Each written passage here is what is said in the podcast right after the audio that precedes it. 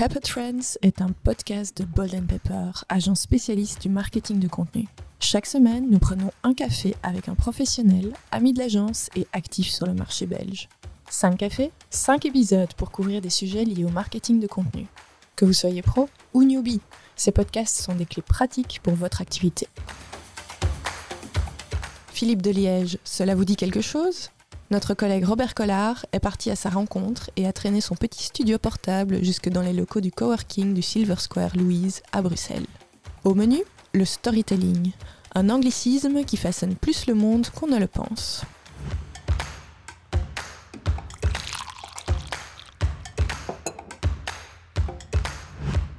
Bonjour Philippe de Liège. Bonjour Robert.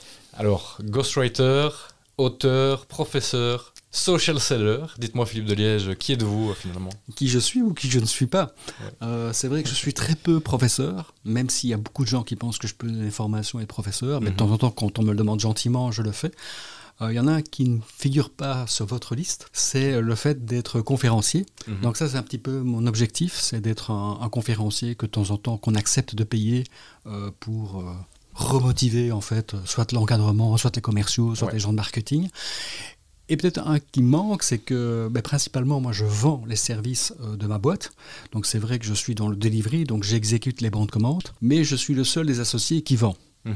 Donc, euh, donc je suis revenu à mes fondamentaux, c'est-à-dire que ma, ma base c'est d'être un commercial. Ça. Et donc pour l'instant je vends. Maintenant c'est vrai que je rêve de vivre uniquement euh, d'être conférencier et de ce qui va aider à être conférencier, c'est-à-dire d'écrire. Et donc le fait d'avoir déjà publié trois bouquins, et le quatrième va bientôt sortir euh, entre le 15 septembre et, fin septembre, euh, me permet d'être identifié comme quelqu'un qui a quelque chose à dire et qu'on accepterait de payer. Comme les gens lisent très peu, finalement, les gens achètent mes conférences pour lire par mon intermédiaire mon bouquin.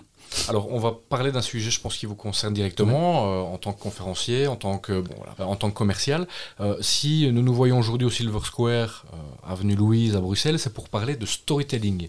Alors, pour ce premier café, nous allons introduire la notion de storytelling et tenter de bien la comprendre. Alors, Philippe, le storytelling, déjà, qu'est-ce que c'est? Qu'est-ce que ça veut dire Oui, qu'est-ce que ça veut dire ben, Tout d'abord, il faut préciser que, que, ça fonctionne plutôt bien quand on insère ça dans, dans le marketing. Euh, il faut se rappeler que pourquoi ça fonctionne si bien, c'est parce qu'on a été éduqué de cette manière-là. Moi, je prends souvent l'exemple de Chaperon Rouge, mhm. mais Chaperon Rouge, oui, c'est une gentille histoire, etc. Mhm. Mais surtout, il y a une morale. C'est ça. Méfie-toi. Il y a un message caché. Il y a, il y a un message caché. Et donc, en effet, c'est vrai que c'est une manière d'éduquer les enfants mhm. que tous les adultes hormis les ondes papa-maman, tout le monde n'est pas gentil. Et donc il faut se méfier. Une deuxième histoire, c'est euh, la, guerre de Troie. Et donc c'est vrai que ben là, qu'est-ce que ça nous apprend? C'est que ce n'est pas nécessairement les plus forts qui gagnent, mais que les mhm. rusés peuvent gagner. Et mhm. donc là, cette histoire va permettre de transmettre un certain nombre de choses que, c'est possible. Mhm.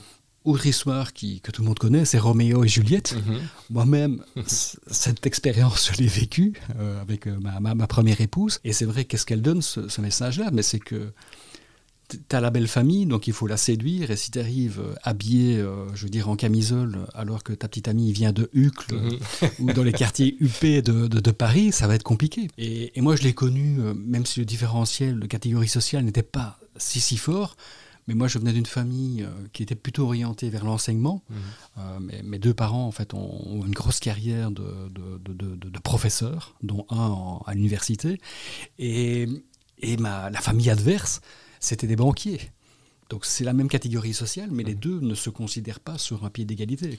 Et donc, euh, c'est donc là aussi, ben, le fait d'avoir compris les fondamentaux de Roméo et Juliette, à un moment donné, vous devez être la variable d'ajustement et de vous adapter aux, autres. là, on, là, on reste quand même dans l'univers du conte, on peut le dire. Euh, mais alors, pourquoi maintenant faire du storytelling euh, dans, dans, quel contexte ce storytelling peut être utilisé ben, le, marketing, en fait, l'objectif du marketing, en fait, c'est quand même de vendre. Et donc, quand on vend, on a finalement plusieurs. Moi, je pense qu'on a trois catégories à qui on peut vendre. Soit il y a des gens qui connaissent pas vos produits, donc il faut vraiment les convaincre ou même votre produit est tout à fait nouveau.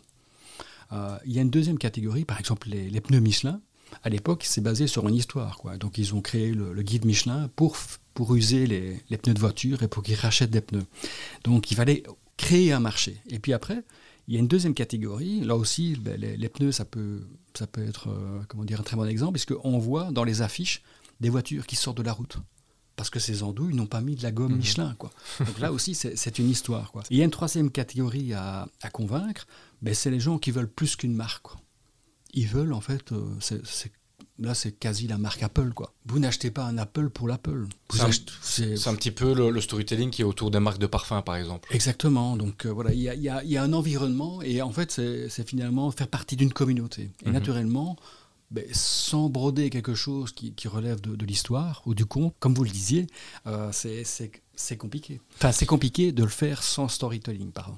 Alors, euh, est-ce que le storytelling n'a d'application finalement que dans le commercial et que dans le marketing maintenant Ou alors c'est quelque chose qu'on peut finalement utiliser pour d'autres choses? Partout, partout.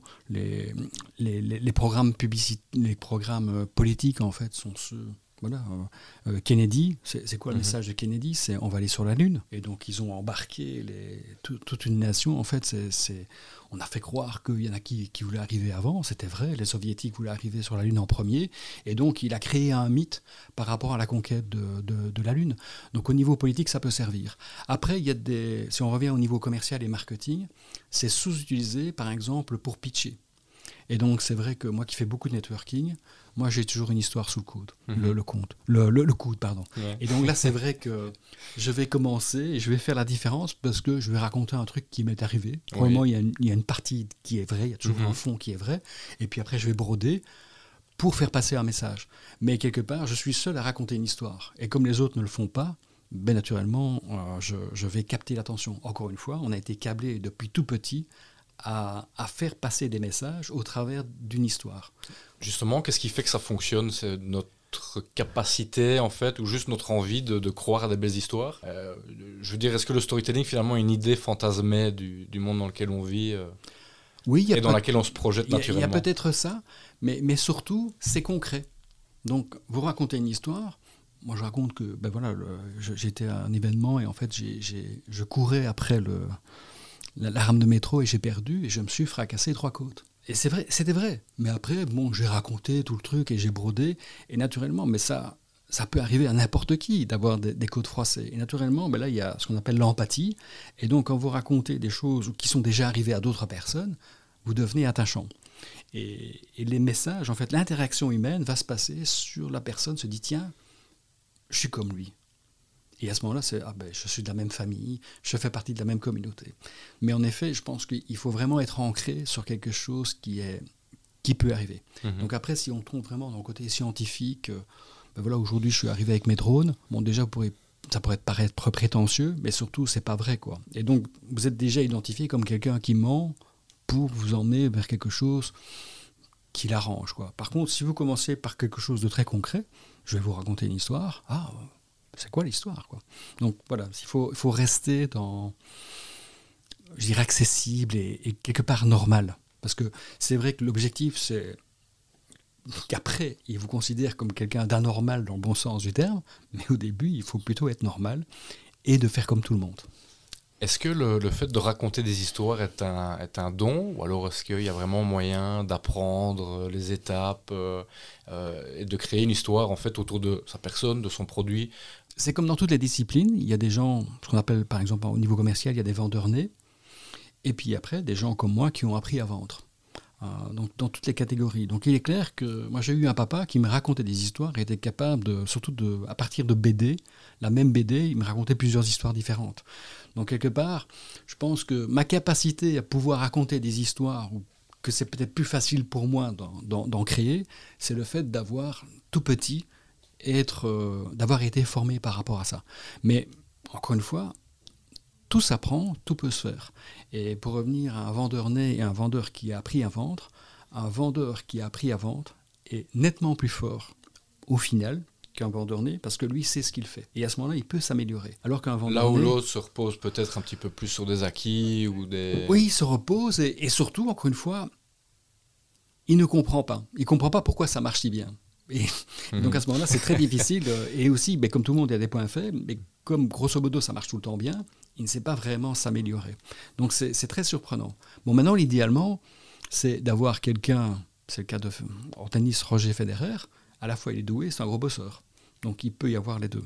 Est-ce que les entreprises qui sont actives dans le B2B sont obligées d'avoir recours au storytelling pour vendre, par exemple, leurs produits, en sachant que euh, parfois il s'agit de produits qui sont vraiment très, très terre à terre. Est-ce qu'on est, obligé, finalement, est-ce qu'ils sont obligés de créer une histoire autour du produit? Ben, J'avais envie de dire encore plus, puisque quand on a des produits, ce qu'on appelle commodity, une voiture est une voiture, une pompe est une pompe, enfin voilà, tout, un vélo est un vélo, le seul élément différenciateur, c'est celui qui le vend, ou l'histoire qui va porter euh, la, séduction vers ce produit-là. Donc c'est, oui, je, pense que voilà, c'est une des dernières cartouches euh, pour faire la différence. Et je dirais que malheureusement, c'est sous-exploité. Donc, euh, quels sont les indices où on voit que c'est sous-exploité? C'est que les gens en fait vont plutôt parler du prix, des discounts, etc. Mais c'est quand on n'a plus rien à dire. Et donc là, on a loupé cette cartouche. Alors il y a une autre manière de créer une histoire, mais qui n'est pas, qui pas bien, c'est de jouer sur la peur. Et voilà, par exemple, les, poils Tefal, à un moment donné, même si c'est Tefal qui a créé la peur, mais il y avait la légende urbaine que si vous preniez une autre poêle que Tefal, vous alliez avaler des, émails brûlés et que vous alliez mourir d'un cancer. Et naturellement, ben, Tefal c'était pas son histoire, mais l'a jamais contesté. Donc son, voilà, c'était un silence assourdissant. Mhm. Et, mais parce qu'elle n'a pas eu la créativité de créer une autre histoire. Et donc chaque fois qu'on utilise soit le discount, soit de la peur, ça veut dire qu'on manque de créativité de créer une histoire. Après, bah, ce qui fait peur à tout le monde, c'est qu'il faut un peu bosser. Et également avoir l'humilité qu'il y a des gens qui ne sont pas capables ou qui n'ont pas appris à faire des histoires. Ça prend du temps de, créer des histoires? Bah, Moi j'ai une phrase que j'aime beaucoup, euh, que je fais dire par un de mes personnages favoris qui est James Border, et je dis toujours, écrire, écrire court, c'est long à écrire. Donc je pense que tout est dit, donc euh, le talent, c'est surtout beaucoup de travail. Est-ce qu'il y a des domaines où le storytelling ne s'applique pas du tout? Euh, C'est une bonne question. Euh, non, je pense qu'il y a des sujets tabous pour l'instant. Donc, euh, quand on voit ce qui se passe avec le, syndrome MeToo, le, comportement que l'on se doit maintenant d'avoir avec les femmes, voilà, je, pense qu'il faut tenir du contexte actuel. Mais je ne vois pas, honnêtement, je ne vois pas un élément où on ne pourrait pas utiliser le storytelling. moi, je pense que ce qui peut tuer le truc, c'est qu'il y a trop de storytelling. Mhm. par exemple, moi, le défaut que je peux avoir en conférence, c'est que j'ai souvent une bonne accroche, et puis après, donc qui est un storytelling. Mais comme j'aime tellement le storytelling, après, je vais faire créer derrière une deuxième histoire. Mais après, les gens sont perdus parce qu'il y a deux storytelling en parallèle. Donc après, je dois faire attention euh, à ce que je fais. Quand, euh, voilà, c'est, allez, pour être cash, il n'y a pas de secteur ou de discipline pour lequel le storytelling ne fonctionnerait pas y compris dans la religion, parce que Jésus-Christ n'a fait que raconter des histoires, y compris pour euh, la concurrence euh, à la chrétienté. Merci Philippe de Liège. Merci Robert. Euh, un dernier mot peut-être à propos du storytelling, si on ne devait retenir qu'une seule chose à propos de, ce concept. Que ça fonctionne. On est câblé depuis le début, je vais me répéter, depuis le, début, dès qu'on est né, on nous a raconté des histoires et on y a cru. tout est histoire. Euh, par exemple, une société anonyme, même s'il y a des textes légaux, une société anonyme n'existe pas. On nous a fait croire qu'elle existait. Moi-même, j'ai une société anonyme, je sais que ça existe, mais ça n'existe pas. Donc ça, c'est du storytelling. Le monde juridique, c'est du storytelling. Merci à vous d'avoir partagé avec nous ce délicieux café. Ce podcast a été concocté avec beaucoup d'amitié, toujours en essayant de vous apporter le plus de valeur possible. Vous voulez réécouter un épisode? Rendez-vous sur www.boldenpepper.be dans notre onglet Podcast. Envie de vous tenir informé de la sortie des autres épisodes ou de suivre les actualités de l'agence Bolden Pepper Gardez nos réseaux à l'œil. À très bientôt